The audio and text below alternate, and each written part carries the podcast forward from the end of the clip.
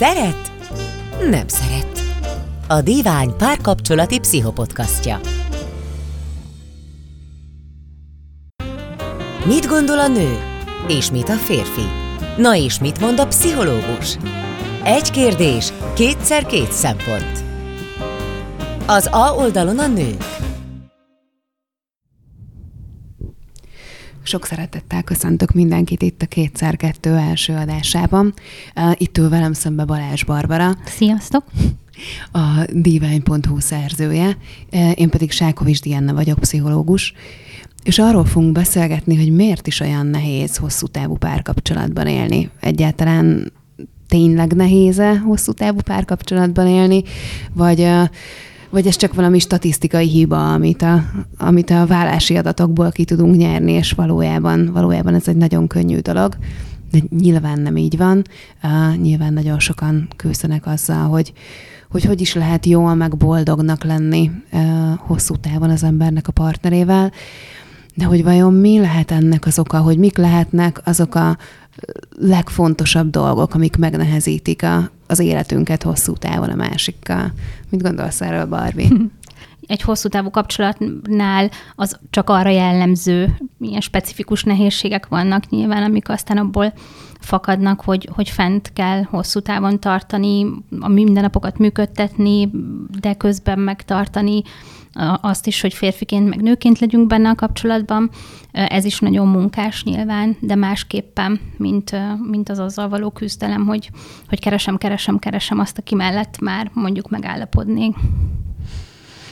De, de azt mondod, hogy, a, hogy az egyik nagy nehézség így a hosszú távú párkapcsolatokban az a, a, a, a mindennapoknak a szervezése mellett az, hogy hogyan tudunk férfiként és nőként is megjelenni egymás előtt hosszú távon, ezt jól értem? Hmm, abszolút, igen. Főleg összehasonlítva mondjuk egy olyan időszakkal, amikor az ember megismer valakit, és mind a ketten elvarázsolódnak attól, amilyen vagy aki a másik. Ezt egy idő után azért meg lehet szokni, és a szomorú helyzet az, hogy, hogy engem is bennünket is, tehát hogy meg, meg lehet szokni azt, hogy amilyenek vagyunk, vagy hozzá lehet szokni, és onnan már nehezebb szerintem izgalmasnak lenni, amikor már úgy viszonylagosan tövéről hegyére megismertük egymást, akkor nyilván kevesebb, kevesebb izgalom, újdonság, érdekesség van, ami pedig fontos lenne ahhoz, hogy fontos része annak, hogy nőként, meg férfiként egymás iránt érdeklődőek tudjunk maradni. Szóval az, hogy izgalmasak vagyunk, az, az hogyan befolyásolja azt, hogy hogy a női szerepünkben ki tudunk teljesedni szerinted? Tehát, hogy az izgalmasság az hogyan, hogyan járul hozzá ehhez az egészhez? Miért kell az az izgalom? Hát sok mindenhez jó szerintem, hogyha másikban egy izgalmas, egy érdekes ember tudsz látni, de főleg nyilván így a vágynak a fenntartásához, vagy, vagy ahhoz, hogy mondjuk a szex is jól működjön, szerintem ahhoz nem rossz, hogyha az ember tudja néha új oldalát megmutatni, és ez abszolút nem ilyen, nem tudom, a vegyél egy szép szett fehér neműt kategóriában képzelem ezt el, hanem hogy mondjam, a hálószobán kívül, hogyha az ember tud ö, tényleg egy kicsit izgalmas maradni, vagy a párja az ő számára ö, izgalmas marad, akkor ezt könnyebb, vagy viszonylagosan könnyebb átvinni a, erre a területére is az életnek, és ez meg nagyon fontos szerintem ahhoz, hogy hosszú távon megmaradjon egy kapcsolat.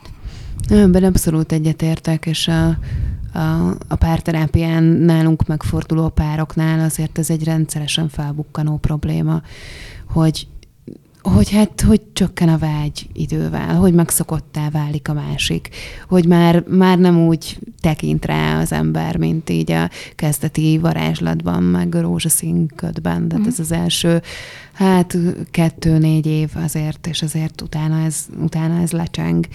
Um, és hogy, és hogy mi történik akkor, meg, meg egyáltalán mit lehet tenni azért, hogy, hogy, hogy ez a vágy, ez fent tudjon maradni és ez egy nagyon érdekes tapasztalat a, a pszichológiának, meg a szexuálpszichológiának, hogy, hogy nagyon ellentétes nagyon ellentétes vágyak mozgatnak minket.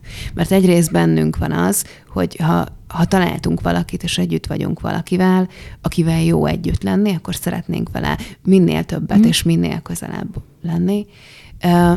Miközben egyébként a vágynak meg, meg az újdonságra van szüksége. Tehát, hogy arra tudunk csak vágyni, ami, ami új, és amit nem ismerünk, ami mindig ott van, amit egy karnyújtással mindig elérünk, hát arra sokkal nehezebb uh, vágyni, és hogy valahogy, valahogy ezt összeegyeztetni egy, egy párkapcsolatban, hogy, hogy megkapjuk a, a megfelelő mértékét a közelségnek és a távolságnak, hogy, hogy fent tudjuk tartani ezt az egyensúlyt, amiben, amiben még tudjuk izgalmasnak tekinteni a másikat újnak, de hogy egyébként nagyon közel is legyen mm. hozzánk, és, a, és az intimitásnak azt a szintjét tudjuk elérni, ami, ami egyébként egy csodálatos dolog, ami egy ilyen összeolvadáshoz közeli állapot.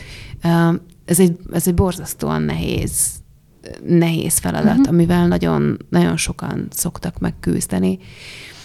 És azért azt látjuk, hogy az olyan kapcsolatokban, ahol ahol abszolút összeolvadás van, és mindig együtt vannak, és mindent együtt csinálnak, és mindent megosztanak, és gyakorlatilag egy közös úton járnak, tehát uh-huh. így mhm. össze, összefonódott a, a pároknak, vagy a feleknek az élete. Hát ott azért nagyon gyakran előfordul az, hogy így a, a szexben problémák vannak.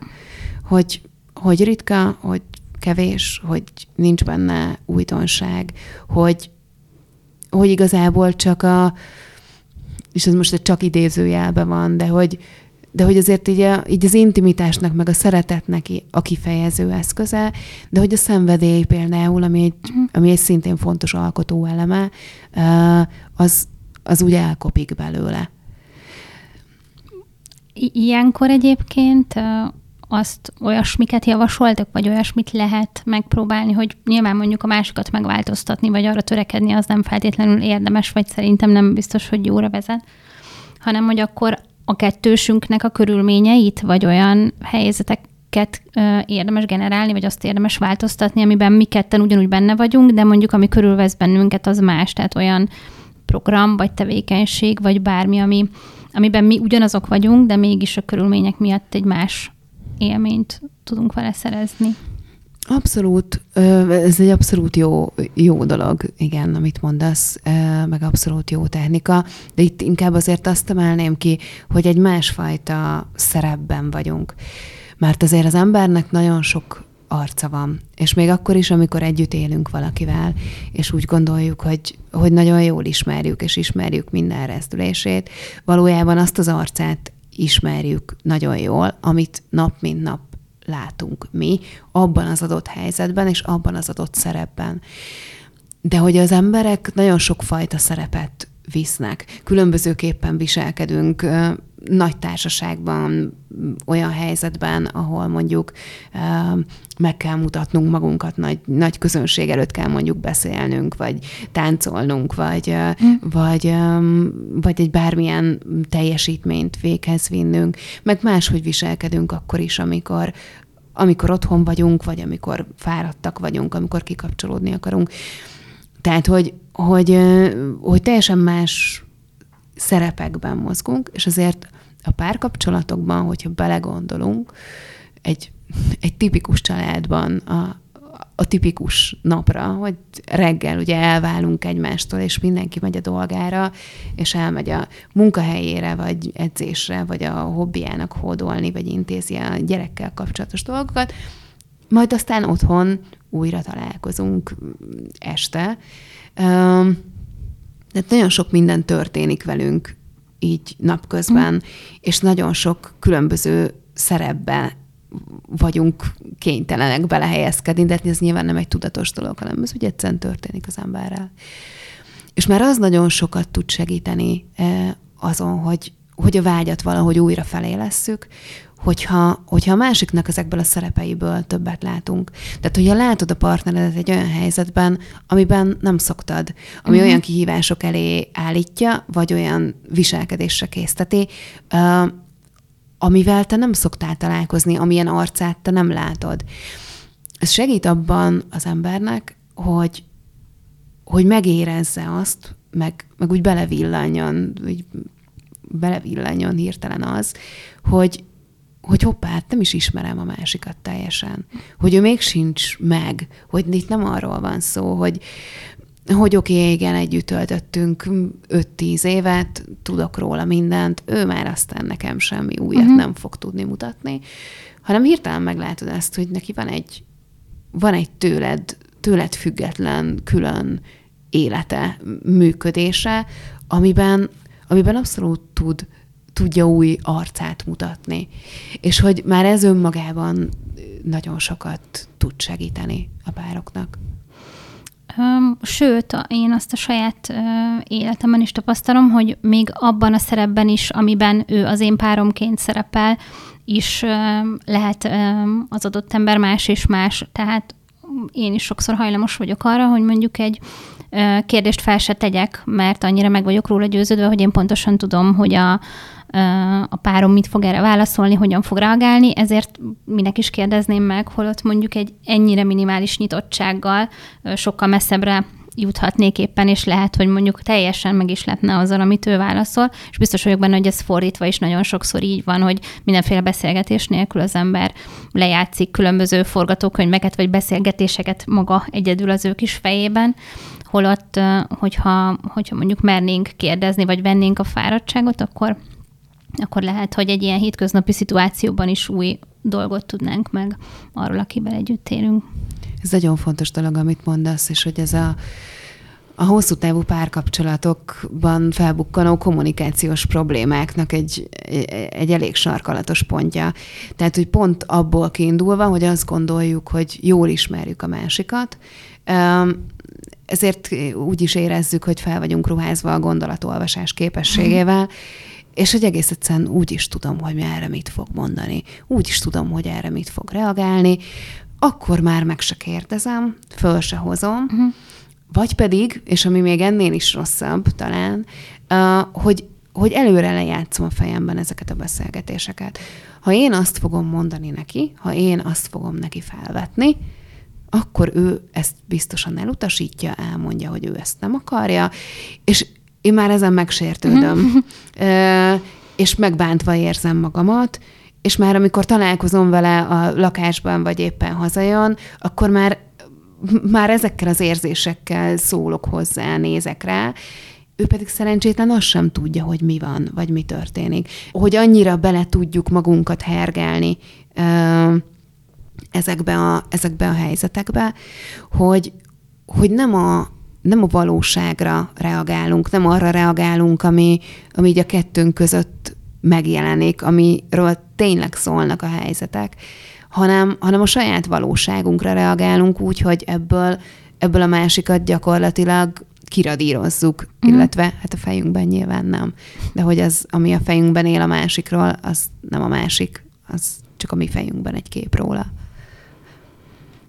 Ami még egy kicsit így kapcsolódik ehhez, hogy a másik másokról úgy gondoljuk, hogy, hogy már, már nagyon alaposan ismerjük. Nyilván egyébként ez meg sok szempontból így is van, tehát hogy a másik ilyen nehézség mondjuk számomra az, hogy, hogy van olyan, és ezt mondjuk így rossz kimondani, vagy nehéz kimondani, amikor egyszerűen így sok a másik, hogy így ő mindig ott van, hogy mondjuk például egy, egy, egy délután, hogy nem tudja már azt az ember, vagy nem olyan könnyen tudja azt megtenni, hogy akkor most ő egy kicsit egyedül lenne, vagy nem kell semmilyen extra dolognak történnie, vagy hát na, tehát nem egy a kapcsolatból való kitekintésre gondolok, hanem csak arra, hogy egy kicsit magamban legyek, vagy magam legyek a saját kis gondolataimmal, hogy ezt például megint csak sokkal nehezebb egy ilyen hosszú távú kapcsolatban megtenni, és ez szerintem elég sok nehézséget tud okozni. Igen, ráadásul ebben nagyon különbözőek is vagyunk, hogy kinek mennyi ö, egyedül létre van szüksége, vagy mennyi időre van szüksége a másikkal. Ez, ez részben egyébként abból származik, hogy, hogy mi milyen családban nőttünk fel, és hogy, és hogy mi az, amit, amit otthon láttunk, ott, ott milyenek voltak a, a távolságok a, a, a, szeretteink, a szeretteink között. És, és ebből, hogyha ha nagyon eltérő az igényünk, akkor, akkor ebből nagyon sok konfliktus tud mm. származni. De alapvetően, és akkor itt most visszatérnék arra, amit, ami a szexel kapcsolatban elhangzott, hogy, hogy azért ez a, az összeolvadás és a nagyon sok nagyon sok együtt töltött idő, és az egyedül létnek, és a, a külön életnek, ez most egy milyen pozitív értelemben, uh-huh. külön életnek a, a hiánya, azért ez nagyon rá tudja nyomni a bélyegét a, a kapcsolatra. Uh-huh. Ugyanúgy egyébként az is, hogyha ha túl nagy a, a távolság uh-huh. a felek között. Tehát, hogyha ha mindenki nagyon szereti az ő egyedül töltött idejét, akkor tudjuk azt észrevenni néhány év elteltével, hogy és akkor lakótársakként élünk egymás mellett, és hogy valójában, valójában nincsen köztünk kapcsolat. Úgyhogy igazából itt is visszatérnék arra, amiről beszéltünk, hogy, hogy úgy tűnik, hogy ez is egyfajta egyensúlyozás. Hát, hogy valószínűleg a végletes, végletes viselkedés ebben a, ebben a közelség-távolság kérdésben, ez ugyanúgy, ugyanúgy rombolóan tudhatni a kapcsolatra, mint a végletesség a, a biztonság és az izgalom keresésében, amiről beszéltünk, beszéltünk korábban is. Ezek szerintem ilyen nagyon fontos problémák, amiket most azonosítottunk, de hogy ez a kérdés, azt hiszem ilyenkor mindig, hogy hogyan lehet ezeket hogyan lehet ezeket elkerülni?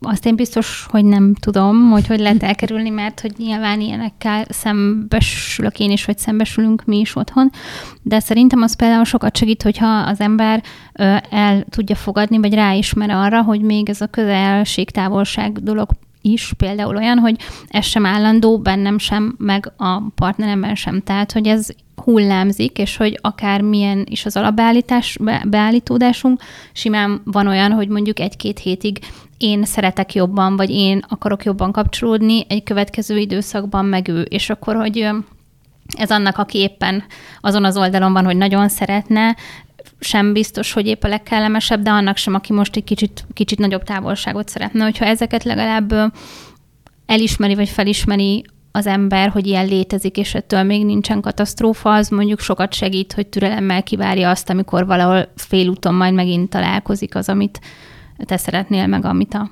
párod.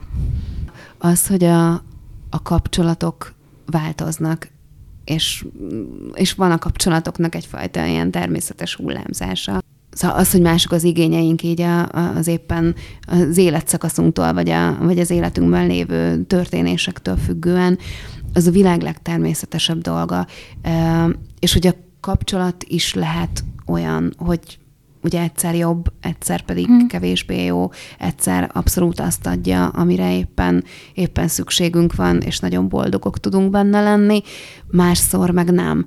De annak a, annak a tudása, és az abban való hit, hogy ha most nem is éppen a legjobb, de hogy ez, ez lehet még jó, mert, mert szokott még jó, uh-huh. szokott, szokott ennél jobb lenni, tudunk mi ennél jobbat, csak most, most éppen nem olyanok a körülmények, ez szerintem egy, ez szerintem egy olyan dolog, ami azért a, az elköteleződés alapját tudja adni.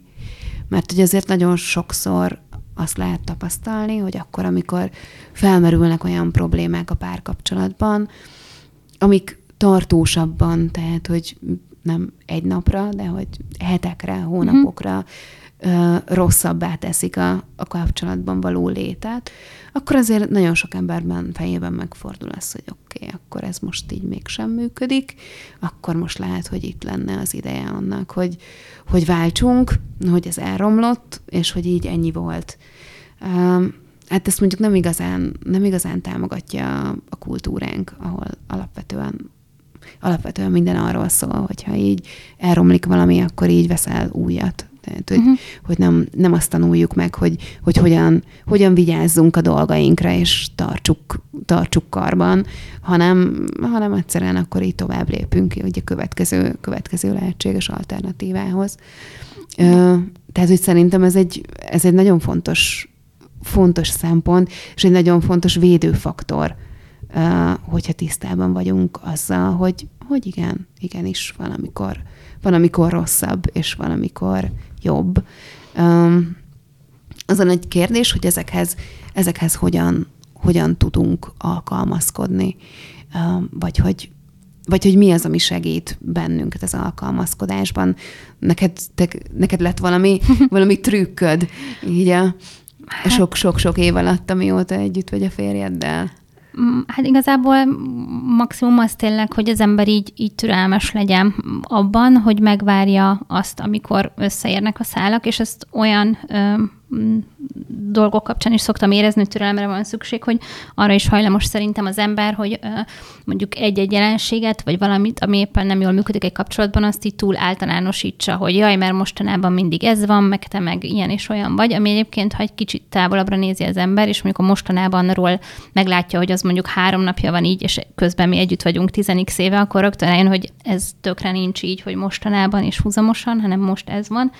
És itt is, hogyha az ember itt türelmesen vár nyilván közben lehet róla beszélni és dolgozni rajta, az szerintem sokat segít, hogy nem hogy mondjam, ne ilyen hirtelen kedésből, vagy éppen az adott hangulatnak, vagy annak, ahogy nekem valami eset, annak kiszolgáltatva reagáljak, vagy lépjek valamit.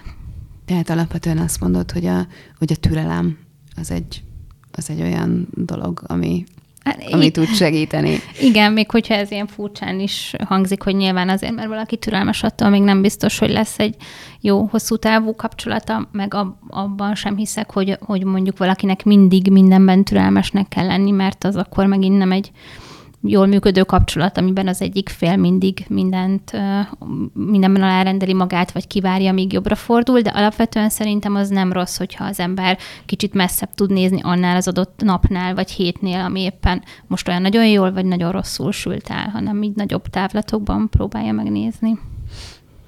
Igen, bár, bár nyilván ezt érzelmileg sokszor, sokszor nehéz, tehát főleg akkor, hogyha ha vannak dolgok, amik így amik így kifejezetten zavarnak minket mm. és bántanak minket, amik, amikről azért érdemes tudni, hogy, hogy azok sem, szóval, hogy azok sem mindig arról szólnak, amire ezt most egy elég kötösen fogalmaztam meg, de, de hogyha nem tudom, mondjuk hogy egy konkrét példát hozzak, ha, ha rendetlenséggel találod szembe magad minden nap, amikor hazaérsz, mondjuk az elmúlt, az elmúlt időszakban, uh, holott egyébként tudod, hogy volt ő már, volt ő már rendesebb is, és mm. odafigyelt már ő arra, hogy a, a közös otthonotok az, az, az úgy jól legyen, meg kényelmes legyen, um, akkor ezt nagyon sokféleképpen lehet értelmezni egy ilyen helyzetet.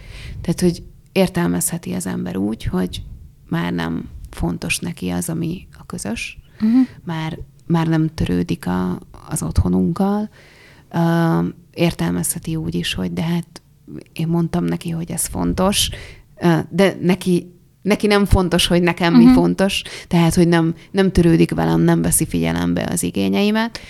Megértelmezhetem úgy is, hogy út a jó ég, biztos, hogy nagyon nehéz időszakot él, él most át, ami miatt egyszerűen nem jut, nem jut figyelme, meg ideje az ilyen dolgokra. Tehát ugye azt gondolom, hogy, a, hogy azért a türelem mellett uh-huh.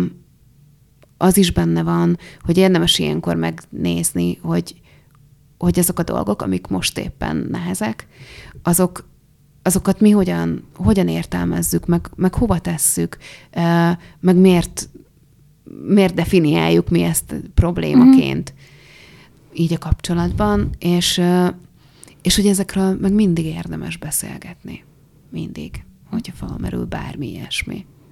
Szerintem az, hogyha az ember egyrészt elhatározta, meg elkötelezett amellett, hogy, hogy ebben a kapcsolatban ő benne szeretne maradni, vagy azt szeretné, hogy ez így fennmaradjon, és mondjuk ezt visszaigazolják, hónapok, évek, akár, a, idő, hogy ez tényleg egy működőképes dolog, az szerintem egy csomó mindent más megvilágításba helyez. Tehát mondjuk az ilyen nyilván ugyanúgy vannak teljesen apróságokon, hülyeségeken történő összeveszések, de ahogy am, am, az a párhuzamosan, hogy minél több időt vagyunk együtt, ezeknek a jelentősége egyre kisebb lesz, legalábbis én ezt így érzékelem, mert úgy is tudja az ember, hogy most teljesen felesleges és időrablás, és abból veszük el az időt, hogy mondjuk éppen valami értelmesre is foglalkozhatnánk, hiszen úgyis együtt leszünk holnap, és ez tök jó és hogy akkor ez nagyon sok mindennek el tudja venni az élét. Nyilván olyan is van, amikor pont mondjuk felnagyítja, mert tényleg ezredszer csinálja ugyanaz, de én inkább azt tapasztalom, hogy az ilyen mondva csinált, vagy légből kapott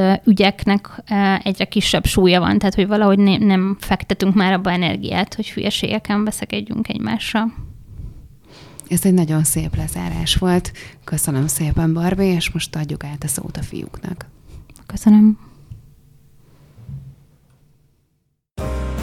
A másik A oldalon pedig jöjjenek a férfiak. Sziasztok, én Csonka Balázs vagyok, pszichológus, és Zomborác Ivánnal fogunk a mai alkalommal a modern párkapcsolatok, hosszú távú párkapcsolatok nehézségeiről beszélgetni, és rögtön egy-két definíciós kérdés merült föl bennünk még az előzetes beszélgetés során. Ö, igen, hogy mit értünk párkapcsolat és hosszú távú párkapcsolat alatt, hogy ez egy viszonylagos dolog, vagy van ennek valami definíciója esetleg? Hát a pszichológiában van ennek egy van ennek egy nagyon jó modellje, ez három részből áll, ami a, a párkapcsolatokra vonatkozik. Ugye ebben három elem mindenképpen megjelenik, az egyik a szenvedély, a másik az intimitás, a harmadik pedig a, az elköteleződés. Én a magam részéről a hosszú távú párkapcsolatot onnan tekintem, amikor ez a bizonyos elköteleződés megjelenik. Ezeknek ugye van egy ilyen sajátos lefutása, a szenvedély, mint olyan, általában a párkapcsolat elején a leg intenzívebb, és ahogy a párkapcsolat halad előre, az idővel ez egy ilyen lassú csökkenésbe kezd, és, és hát a párkapcsolat működtetésétől függ, hogy, hogy milyen szinten állapodik meg, vagy, vagy semmisül meg végképp. Az intimitás, a második faktor, az nagyjából a, a szenvedéllyel összekapcsolódó ilyen közelségkereséssel alakul ki, tehát az életben ugye van ez a bizonyos szenvedély, hogy állandóan együtt akarunk lenni egy kapcsolat elején, amiből aztán az egymás megismerésével, és, és hát azzal, hogy ténylegesen sokat vagyunk együtt, kialakul az intimitás, az a fajta érzelmi közelség, ami aztán egy nagyon fontos alapja lesz a, a párkapcsolat későbbi részének. Ugye ez az intimitás az az, ami az elején alig van, és akkor azt is szépen lassan föl lehet építeni, vagy gyorsan lehet fölépíteni általában gyorsan épül fel. Már az intimitásban mi tartozik bele mondjuk az, hogy fingunk-e egymás előtt, vagy, vagy ennél kevésbé triviális dolog? Nem, hát az is abszolút bele tartozik, de hát nyilván van az ilyen szofisztikáltabb dolgok is bele, bele tudnak tartozni, tehát a, akár az egymás előtti érzelmi feltárókozás, egymás gondolatainak, érzéseinek megértése, megvitatása, szóbahozása, tehát, és illetve tehát a testi közelség is. És hát, hogy ez, ezeknek a talaján szépen lassan ki tud alakulni ez a bizonyos elköteleződés, ami egy nagyon-nagyon lassú folyamat, és hát általában onnan is, onnan is számít vagy én legalábbis mindenképpen onnan számítanám ezt párkapcsolatnak, illetve a hosszú távú párkapcsolatnak, hogy ez az elköteleződés, ez, ez hogyan van jelen. Ugye ez egy optimális esetben folyamatosan erősödő tendencia, ugye régóta vagyunk együtt, meghoztuk ezt a döntést. Ugye ez még egy nagyon fontos, hogy ez nem egy pusztán érzelmi kategória, hanem ez így konkrétan egy döntés, tehát hogy, hogy el akarok-e köteleződni a másik mellett, illetve ezt meg tudom-e tenni, és hát ezt az elköteleződést tudja utána tápolni a, a, az intimitásban megélt élmények, a közös, közös élmények, közös programok, az együtt töltött idő, tehát én a hosszú távú párkapcsolatot onnan számítanám, hogy ez az elköteleződés, ez megjelent. Ugye elvileg azt kaptuk meg témának, hogy, hogy ez miért nehéz, de ezzel is kapcsolatban is teljesen szkeptikus vagyok, hogy ez tényleg nehéz. Mert én egyébként nem érzem annak a 7 éves, most éppen 7 éves kapcsolatomban, hogy ez egy különösebben megerőltető dolog lett volna, vagy ez egy nehéz dolog lenne.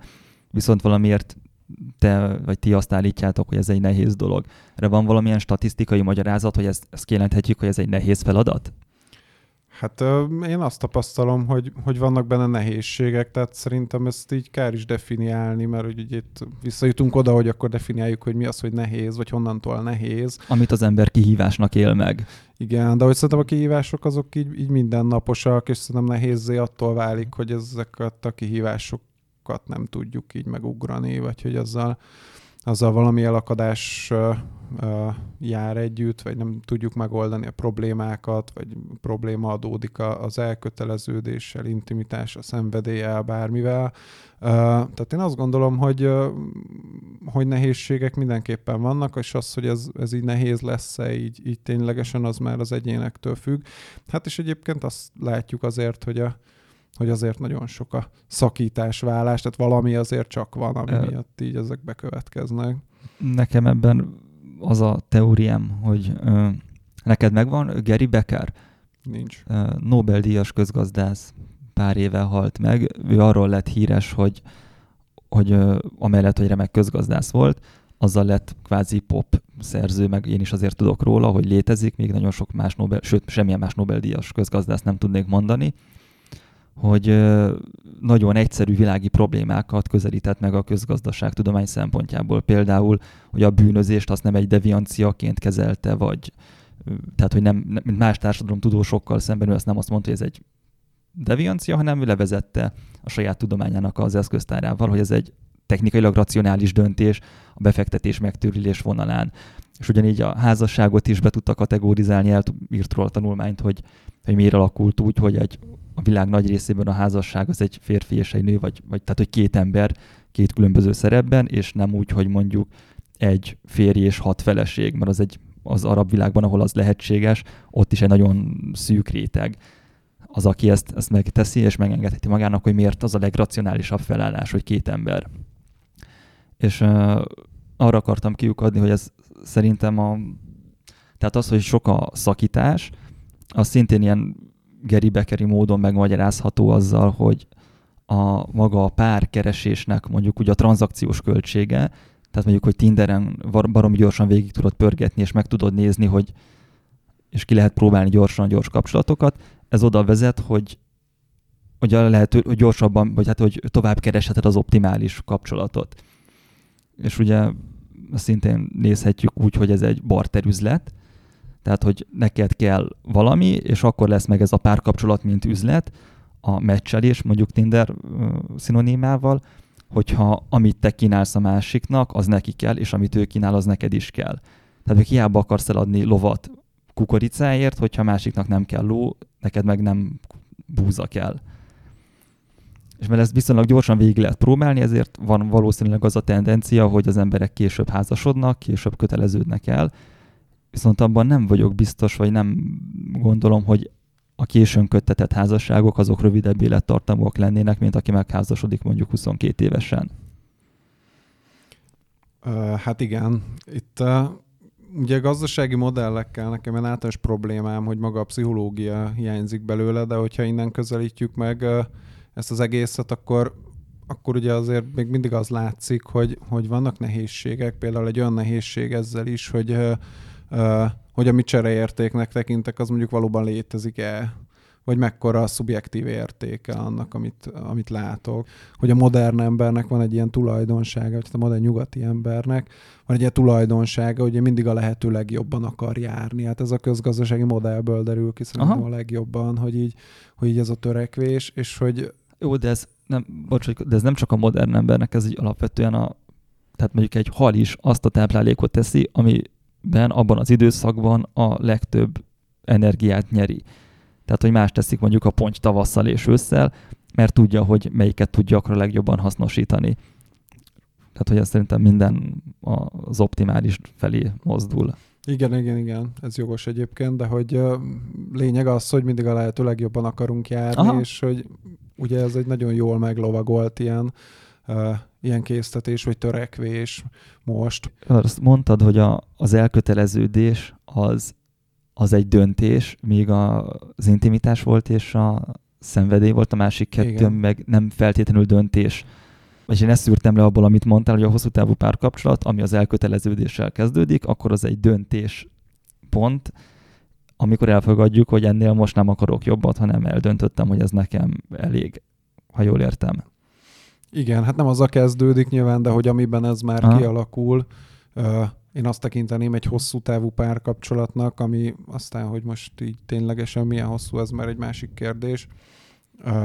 De hát, hogy igen, hogy ez egy döntés, az, hogy a maga a, a, az intimitás hogyan alakul ki a kezdeti szenvedélyből, ami, ami meg egy egyszerű biokémiai folyamat általában, tehát ez a bejövünk egymásnak, együtt akarunk közös programokat csinálni, közeledni egymáshoz, stb. Tehát, hogy ez, ez azért jóval kisebb részben egy gondolkodási folyamat, míg, a, míg az elköteleződés az ténylegesen egy, egy döntés. Akkor most nagyon gyorsan kihoztuk azt, hogy azért nehéz a hosszú távú párkapcsolat, mert meg kell hozni a döntést, hogy akkor ezt a bizniszt csinálom a következő 10-15-20 évben? Hát meg, hogy már tele van különböző olyan alternatívákkal, ami így folyamatosan a, az élet, tehát hogy, hogy, hogy így folyamatosan látsz egy ilyen óriási kínálatot. Hogy... Szerinted akkor azért mennek szét az emberek x idő után, mert automatikusan mást akarnak, vagy inkább azért, mert a meglévővel van, meglévővel van tele a tökük? Tehát, hogyha mondjuk az elvált embereket megnézzük, nem tudom, van ilyen, valószínűleg biztos van ilyen statisztika, hogy azért váltak el, mert A, az egyik mással akart lenni, vagy csak simán egymással nem akartak lenni. Tehát, hogy így a, úgymond a semmibe sokkal kevesebben lépnek ki egy kapcsolatból, mint, mint hogy nem tudom, egy másik kapcsolatot kezdjenek el helyette. Tehát, hogy ez mindig egy ilyen nagy, nagy rúgása a, az adott helyzetben. Meg hát ugye egy csomó ilyen probléma definiálódik napról napra a kapcsolatokban, és ugye nyilván ezen nagyon sok múlik, hogy ezekkel, ezekkel így mit kezd valaki, meg hogy egyetem hogyan... Tudsz egy konkrét példát mondani, hogy el tudjam képzelni jobban? Hova menjünk nyaralni, ah. nem tudom. Hogy nyomott ki a fogkrémes tubusból a fogkrémet. Tehát ilyen, ilyen tök alapvető dolgok. Amire utána egy csomó minden ráépül, tehát hogy azt azért nagyon érdemes látni, hogy ezek a dolgok azért nem a nyaralásról, meg a fogkrémről szólnak, meg a kis kanalat nem odarakom vissza, ugye az is baj lehet. Tehát, hogy, hogy ezek nagyon sokszor ilyen ezekhez ilyen tök komoly érzelmi töltések kapcsolódnak. Ugye, hogy csak egyet mondjak, a, nem tudom, az, hogy a kiskanál hova legyen visszarakva, vagy a fogkrémből hogy legyen, vagy a tubusból hogy legyen kinyomva a fogkrém, ez ugye nagyon sokszor arról szól, hogy én már mennyiszer pampogtam ezen, és akkor te meg így le se szarsz engem. És akkor ennek az az érzelmi üzenete, hogy neked nem fontos az, hogy, hogy nekem meg legyen a, az, amit én szeretnék. Tehát, hogy én nem vagyok fontos neked, és ezért és erre mi a megoldás? Az, hogy le kell szarni, hol van a kiskanál, vagy az, hogy vissza kell tenni a kiskanalat a helyére? Hát szerintem az, hogy nem ezen a szinten érdemes megragadni a problémát, hanem hogyha van egy ilyen helyzet, amiből nagyon sokféle van, akkor annak tök érdemes mögé menni, és megkérdezni, hogy oké, okay, és akkor ez így miről szól valójában, mert nem a kis kanáról szól, hanem arról szól, hogy ő mennyire érzi fontosnak magát, és onnan el lehet jutni oda, hogy egyébként Jó, de hogyha mondjuk, meg. mit tudom én, te azt el tudod képzelni ilyen valós esetben, hogy drágám, miért, mit tudom én, miért oda a kis kanalat, megbeszéltük, hogy ne tedd oda, és akkor a válasz ne az legyen, hogy ja, jó, oké, átteszem, hanem az, hogy beszéljünk arról, hogy miről szól ez a beszélgetés. Ezt te életszerűnek érzed? Vagy... Hát ezeknél a PTNR eseteknél nem feltétlenül, csak ja. most ez a példa jutott eszembe, tehát nyilván érdemes egy Csak, hogy lemodelleztem a fejemben, és annyira irreális volt, mint egy ilyen nyomorult barátok közdialógus, hogy... ja, aha. Tehát, hogy, hogy azt így elképzeltem, hogy lezajlik, és Hát nem, hát szerintem ezek ilyen, ilyen nagyon pici dolgok, tehát itt egyszerűen érdemes nyilván odafigyelni a másikra, meg így egyszerűen minden nélkül elfogadni, hogy neki ez egy fontos dolog. Szóval tök sok ilyen, ilyen konfliktus van, amit egyébként utána nagyon, és azért nem oldható meg, mert hogy a jelenségek szintjén kezelik, és nem abban, hogy, hogy egyébként így mi a, vagy miről szól ez az egész, vagy az elmenjünk a szüleimhez a hétvégén, nem tudom, vasárnapi ebédelni, miközben nem tudom, te otthon szeretnél pihenni, vagy neked fontosabb, hogy kitakarítsunk otthon, vagy neked fontosabb, hogy nem tudom, elmenjünk valami programra, én meg nem tudom, el akarok menni a szüleimhez, és akkor ugye ezen is lehet így zelni, hogy akkor jaj, te sose jössz velem sehova, meg jaj, neked nem fontos a családom, meg nem tudom, de hogy valójában így simán megvan az, hogy az egyik embernek ez, ez konkrétan a, a konkrétumokról szól, tehát hogy ő neki tökre nincs energiája ezzel tölteni a vasárnapot, mert végre pihenhet egy kicsit, az tök fárasztó hete volt. A másiknak viszont arról szól, hogy az ő családja az mennyire elfogadható a másiknak, vagy hogy ennek így ebből így mit lehet kihozni, mint hosszú távú kapcsolat, hogyha és nem meccsel a családommal a, a másik, és akkor úristen, mi van. Van olyankor szerinted valami? Hát simán lehet. Szerintem nem, az ember nem a másik családját veszi feleségül, vagy nem tök valid dolog, hogyha valaki nem szereti annyira a másik családját, mint a sajátját. Hát persze, de hát ettől még egy, hmm. lehet egy embernek ez egy probléma, Na, hogy hát nyilván. most hogy fog kinézni a közös jövőnk, hogyha nem jössz ki Hmm. anyámékkal. Szerintem, tehát, hogy ez így, ez is simán lehet egy, egy probléma forrás. Tehát, hogy szerintem nagyon, nagyon érdekes, hogy miket definiálunk jelenleg problémaként, és ugye ebbe már itt lehet rakni egy ilyen történetiséget, hogy egyébként így, így milyen, milyen jellegű, Hm. nagyon sokszor ilyen jellegzetesen first world problemjeink vannak a, a kapcsolatokban, meg hát van, amikor nyilván nem, tehát hogy, hogy ez is egy ilyen, izé. mellesleg nem, tehát hogy nem szeretnék úgy tenni, mert hogy ez a pszichológiának szerintem egy ilyen modern rákfenéje, hogy, uh, hogy így úgy teszünk, mint minden ilyen probléma megoldható lenne, meg mint hogyha nem tudom, az lenne az optimális kapcsolat, hogy akkor igen, amit mondasz is, hogy akkor mindenről nyitunk egy ilyen mikrokonzultációt, hogy akkor mindenki feltárja az érzéseit, és akkor egy ilyen nagy katarzisba így összeborulunk, hogy hova Erre került van egy kanál. sztorim, egy barátom meg a, a most már ex-csaja is, ezzel is spoilereztem a végét, jártak pszichológushoz mind a ketten, hogy fejleszték magukat meg a kapcsolatot, és akkor odáig eljutottak, amit mondtál, hogy minden szarról nyitottak egy, egy ilyen megbeszélést, és aztán azt mind a ketten belátták, hogy az kurva idegesítő, és, és inkább szétmentek. Így lehet, hogy együtt lennének, hogyha nem kezdenek el mindenből nagyon mély következtetést levonni attól kezdve, hogy, hogy hova teszik a bögrét, meg miért hangosabban kérdez meg valamit, mint a többi más kérdést.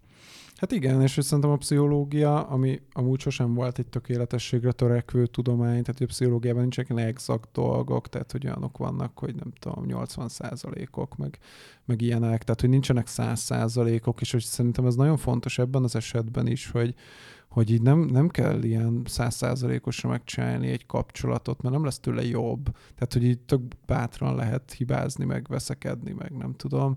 Csak ugye érdemes ezeket a helyén kezelni. Tehát, hogy azt szerintem egy tök valid dolog, hogy, hogy persze minden problémát így kulturáltan kell elvileg megoldani, de hát, hogy így emberek vagyunk, meg egy, meg egy csomó feszültsége van az életnek, ami, ami hát így benned van, tehát hogy nem vagy mindig abban a lelki állapotban sem, hogy alkalmas legyél egyáltalán egy ilyen konzultációra, lehet, hogy tök kimerült vagy, lehet, hogy nem tudom, egy csomó nyomás nehezedik rád valamilyen szinten, tehát akár a munka jellegét tekintve, vagy nem tudom, anyagi helyzetet tekintve, tehát rengeteg ilyen frusztráció forrás van, és hogy azt szerintem így nem várható el emberektől, hogy uh, hogy folyamatosan ilyen százszázalékos belátással legyenek minden lelki folyamatukra, meg hogy ez, ez tökre nem is cél. Szerintem az lehet cél, hogy, hogy amit problémaként definiálunk, abból, abból lássuk, hogy az, hogy az ténylegesen az-e, vagy hogy kell ebből ekkora izét csinálni, vagy tényleg baj-e az, ami történik. Így a szexuális forradalom előtti időben az egy probléma volt, hogy a, hogy a kapcsolatban nem érkezik a gyermek áldás. Ugye hát ez akkor egy probléma volt, arról így arról így lett úgymond beszélve, ilyen szép passzívan fogalmazva. Tehát, hogy az volt az elsődleges probléma már, hogyha nem tudom, együtt él egy két ember, nem tudom, tíz évig, és nincs gyerekük, az így teljesen izé, senki nem, senkiben nem merül föl szerintem, hogy az akkor most így para lenne, vagy mit tudom én, hanem egy szem tartanak ott valamilyen tekintetben. Miközben például a örömszerzés vonalon meg ez tökre megfordult, tehát hogy korábban tökre nem volt para az, hogy mit tudom én, évekig nem szexel egy pár, vagy nem tudom, nem élvezik. Ma meg ez ugye egy ilyen elsődleges problémává vált, egész egyszerűen valószínűleg azért, mert hogy, hogy ezt tudjuk megragadni, tehát Mm. hogy ez az, amit így, amire így építeni lehet bármit, akár a, akár a pornográfiát, akár a, a reklámokat, ugye ez a szexuális élvezet, ami, ami így a, a, a, a fő hajtóerő, és hogy és ugye korábban ez, ez tökre nem volt, tehát hogy nem, nem láttam ezt problémaként definiálni, erre mindig el szoktam mondani, hogy a visszaszámoljuk, hogy Hunyadi Mátyás mikor született, és abból, hogy mikor fogant. Ugye 12 évvel volt fiatalabb a bátyjánál, és hát ugye köztes időben az apuka az ugye mindenféle ez, itáliai városokban tartózkodott, hadjáratokat vezetett, és Szilágyi Erzsőt otthon nevelgette a kis Lacikát, és hát hogy ugye megszámoljuk, hogy, vagy kiszámoljuk, hogy mondjuk Mátyás született 43 februárjában, akkor így körülbelül ilyen május környékén fogant. Na most ugye tudjuk, hogy áprilisig Hunyadi János a Havasalföldön vezetett hadjáratot, júniusban meg már a Balkánon, és akkor közte ugye hazaugrott még hmm. így nemzeni valakit az ezresre, tehát hogy így e, és közte meg ugye 12 évig nem volt semmi, tehát hogy, hogy úgy nézett ki egy kapcsolat, hogy nem, hogy, nem, hogy szex nem volt, nem is volt ott az ember, tehát hát a, a, a kapcsolat fele, tehát hogy és hogy ez így teljesen működőképes volt, és hát hogy nyilván nem kell ehhez ilyen, nem tudom, ebből a társadalmi rétegből ö, választani, mert hát nem volt jobb más társadalmi rétegeknél se a helyzet, tehát hogy így, így tök jellemző volt az, hogy így valahol ugye volt így hosszabb időre az ember elvitték, nem tudom, katonáskodni, vagy földmunka volt, bármi volt. Tehát, hogy így, így egyszerűen nem, nem volt így meg ez a, ez a fajta kapcsolódás, és hogy mégis, uh, mégis ugye ezt egy hosszú távú kapcsolatnak uh, lehetett tekinteni, mert hát ugye volt elköteleződés, meg úgy is definiálták saját magukat, és hát ugye ez egy ilyen gazdasági egység volt tulajdonképpen, egy ilyen életszövetség, és hogy azt lehetett tekinteni teljes értékű kapcsolatnak, és hogy itt van a, itt van a nagyon érdekes váltás szerintem, ugye vannak ezek a, a nagyon virális ilyen, ilyen ábrák, hogy akkor az öreg bácsi meg a néni kézen fogva mennek a nyugatiba, és akkor ők a izé, hogy az nem tudom, 60 év ilyen izé, nagy szerelem, meg nem tudom. Tehát, hogy ugye az történik, hogy a mostani fogalmainkat így összekontamináljuk így a korábbiakkal. Tehát úgy teszünk, mint hogyha az, amit most idealizálunk, tehát ez az első, nem tudom, két-három évnek ez a rózsaszín köde, ez tartott volna 60 évig a nagyiéknál, és akkor ők így összejöttek, rózsaszín köd, meghaltak, és akkor így, így ez lett volna végig, és hogy igazából ebből az egészből kihagyjuk azt, hogy, hogy egyébként mi történt, és hogy ezt nagyon sokszor egy ilyen, egy ilyen realitás. Egyébként tekintjük. meg lehet, hogy mit tudom, Szilágyi Erzsébet is egy társas magányban volt legfeljebb. Hát igen, vagy nem magányban, vagy... Vagy, vagy hogy, hogy nem a mi definíciónk szerint boldog párkapcsolatban.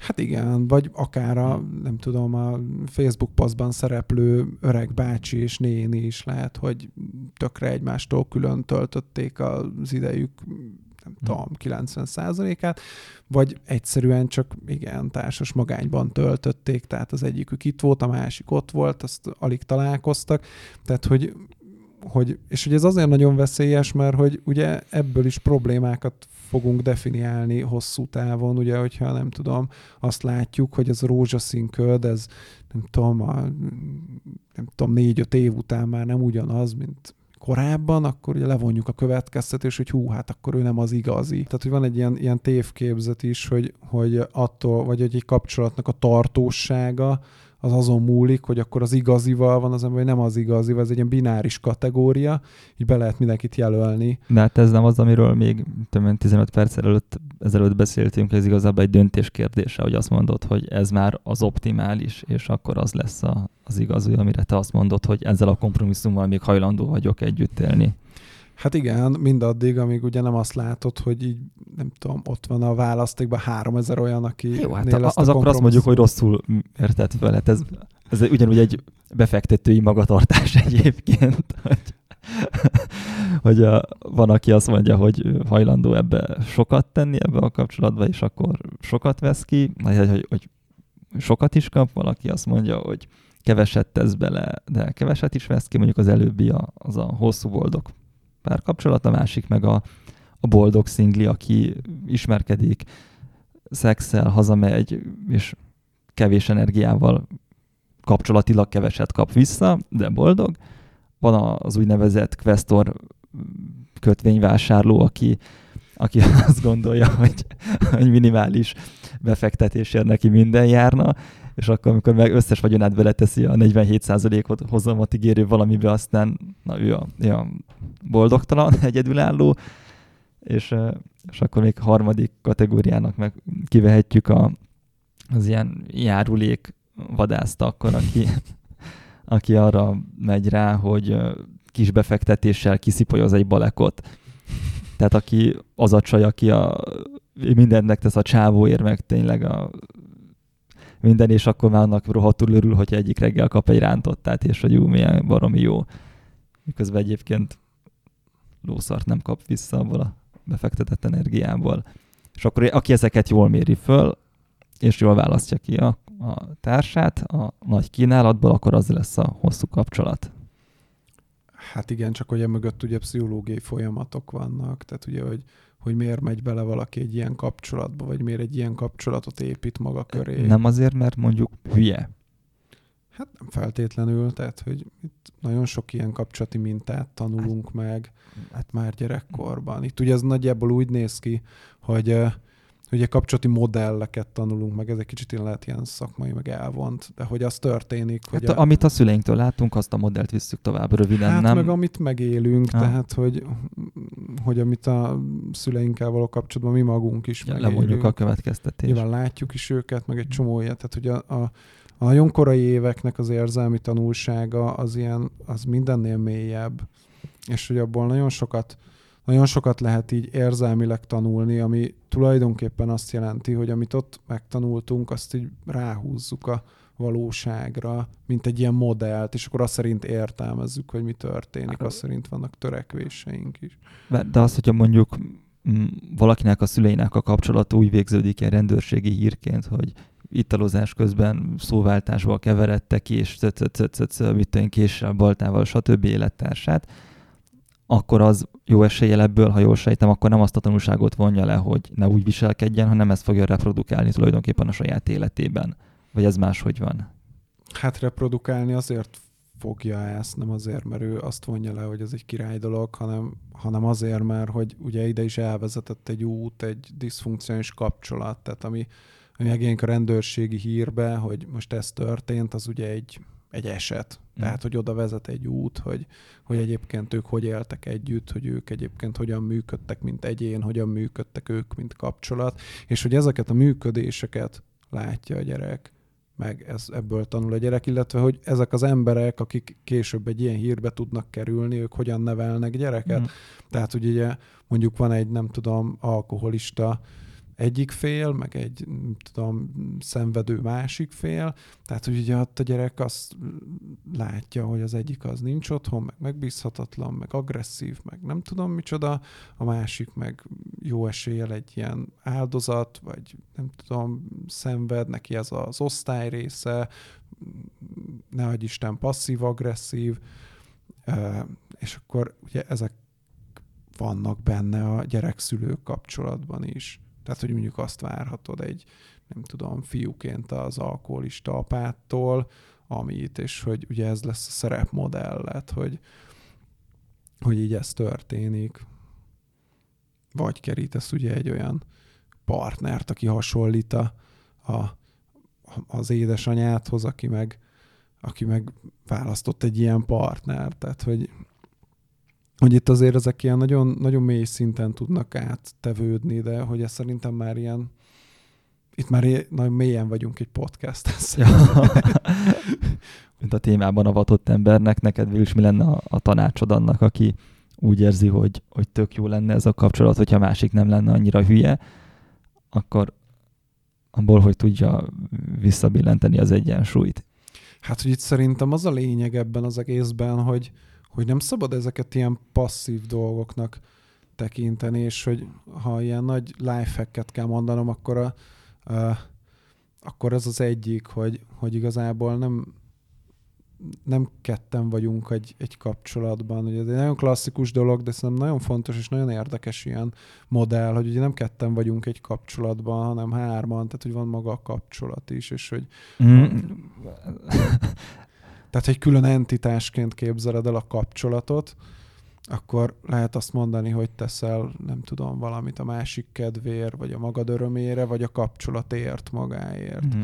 illetve hát megjeleníthető az, hogy, hogy így bármi történik, az hogyan hat az egyik félre, hogyan hat a másik félre, hogyan hat magára a kapcsolatra. Tehát, hogy ezt mint változót érdemes bevezetni a, a gondolkodásba. A másik meg, hogy, hogy ennek az egésznek a konstruktív jellege, tehát hogy, hogy igazából a kapcsolat az, az nem egy ilyen nem egy ilyen passzív eredőkét alapvetően nem változó valaminek, vagy változó valaminek, hanem hogy az egy ilyen konstrukció, tehát azt építjük, hogy azért hát, így... Be kell tenni az energiát, és hát annak van, megfelelően lesz de hát, hogy, igen, és hogy szerintem így visszautalva arra, arra a, a részre, hogy, hogy van ez a bizonyos tévhit, hogy a, a legtöbb, amit megtettünk a kapcsolatunkért, hogy megtaláljuk azt a bizonyos nagy őt, vagy, a, vagy az igazit, vagy nem tudom, hogy az azért arra veszélyes, mert, mert ugye nem azt mondom, hogy, hogy az a legtöbb, amit tehetek, hogy nem tudom, úgy működünk együtt egy kapcsolatban, ahogy uh, hogy az jól működjön, meg hogy az,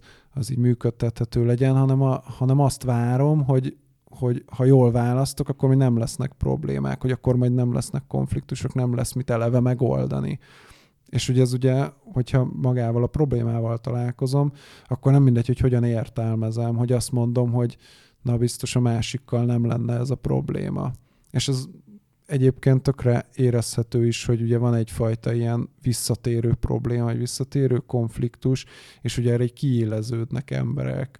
Tehát, hogyha érsz egy kapcsolatból, mindig van egy tipikus probléma, mondjuk mit tudom én, te nagyon szereted a tengerpartot, de sosem mentek a tengerpartra, mert nem tudom, úgy tudtok megállapodni, akkor kialakul így hosszú távon egy ilyen tök nagy tengerpart igényed, mm. nem, mhm. hogy az így felértékelődik ebben a, ebben a kapcsolatban, és akkor ugye azt látod, hogy egyébként meg mennyi ember ilyen nagy nem tudom, tengerpart fanatikus, és hogy azok így mennyivel jobb biznisznek tűnnek, vagy mennyi jobb dílnek tűnnek, holott egyébként így egy gazdasági modellel élve, vagy, vagy így abba visszahelyezve, ugye lehet, hogy az összértékük az igazából nem, nem lesz hmm. nagyobb, vagy nem lesz egy jobb kapcsolat, csak egyszerűen így annyira ki vagy arra hegyezve, hogy, hogy akkor kell a, a tengerpart, és hát ugye itt ott tartunk, hogy ez nem lett megbeszélve, hogy akkor neked ez az igényed, vagy nem képviselted jól ezt az igényedet, vagy a másik nem vette figyelembe ezt az igényedet. És akkor ezzel ugye a, ennek a bizonyos harmadik félnek, mint kapcsolatnak is, is rosszat tett. És rosszat teszel akkor is a kapcsolatnak, hogyha te nem hozod be ezt az igényedet. Tehát azt mondod, hogy na te egy mártír vagy, és te jó fej leszel a csajjal, és nem tudom, elmész a Uffizi képtárba 16-szor, amikor már inkább nem tudom, jobban szeretnél egyszer legalább a tengerparton lenni, és pihenni, de akkor a kapcsolatnak tulajdonképpen rosszat teszel, mert hogy abba vagy, hogy így szépen lassan gyűlik fel benned az, hogy így nem tudsz ebben érvényesülni, vagy hogy így nem lesznek meg a te szempontjaid. Szóval Mártírnak se nagyon éri meg lenni. Ennek most sajnos vége. De ha kellene még, gyere el a divány.hu szeret-nem szeret oldalára.